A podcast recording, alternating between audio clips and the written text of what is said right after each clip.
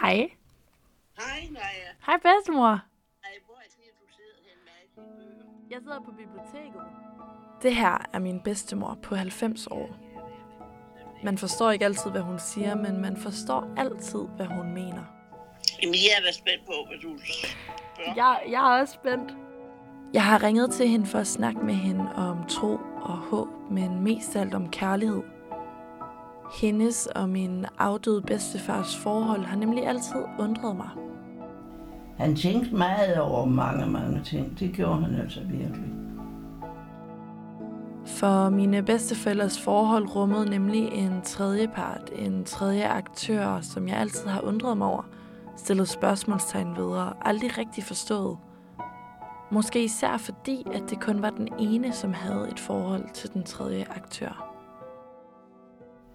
Når mennesker skal leve sammen som ægtepar, så så er de nødt til begge to at give sig i, i visse retninger, for ellers kan det jo ikke gå. Men mest af alt er jeg også fascineret af, hvordan man får et 60-årigt langt ægteskab til at fungere. Og måske netop hemmeligheden er, at en tosomhed giver plads til en tredje aktør.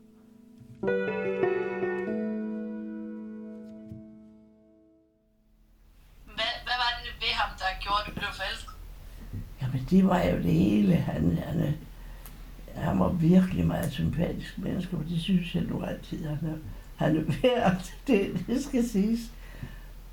Og jeg kan nemlig huske, at hvis vi først bliver forelsket i en, så er det ligesom hele verden ser anderledes ud.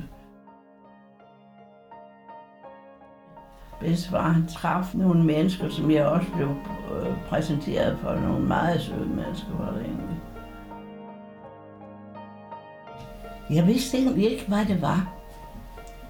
Jeg tror ikke, jeg vidste, og det snakkede vi nu egentlig heller ikke om en hel masse. Og jeg har aldrig følt sådan, at der var nogen tvang over for mig. Og jeg har heller ikke følt, at der blev lagt pres på mig. Jeg var jo aldrig i tvivl om, at jeg havde altid en, der ville hjælpe mig og støtte mig i alt. Det, det er tilfældet. Sådan, hvis du sådan skulle sige, hvor meget Jehova fyldte i jeres forhold. Tredjeparten i mine bedsteforældres forhold var nemlig ikke et andet menneske, men derimod en tro. Min bedstefar var nemlig Jehovas vidne, men det var min bedstemor ikke.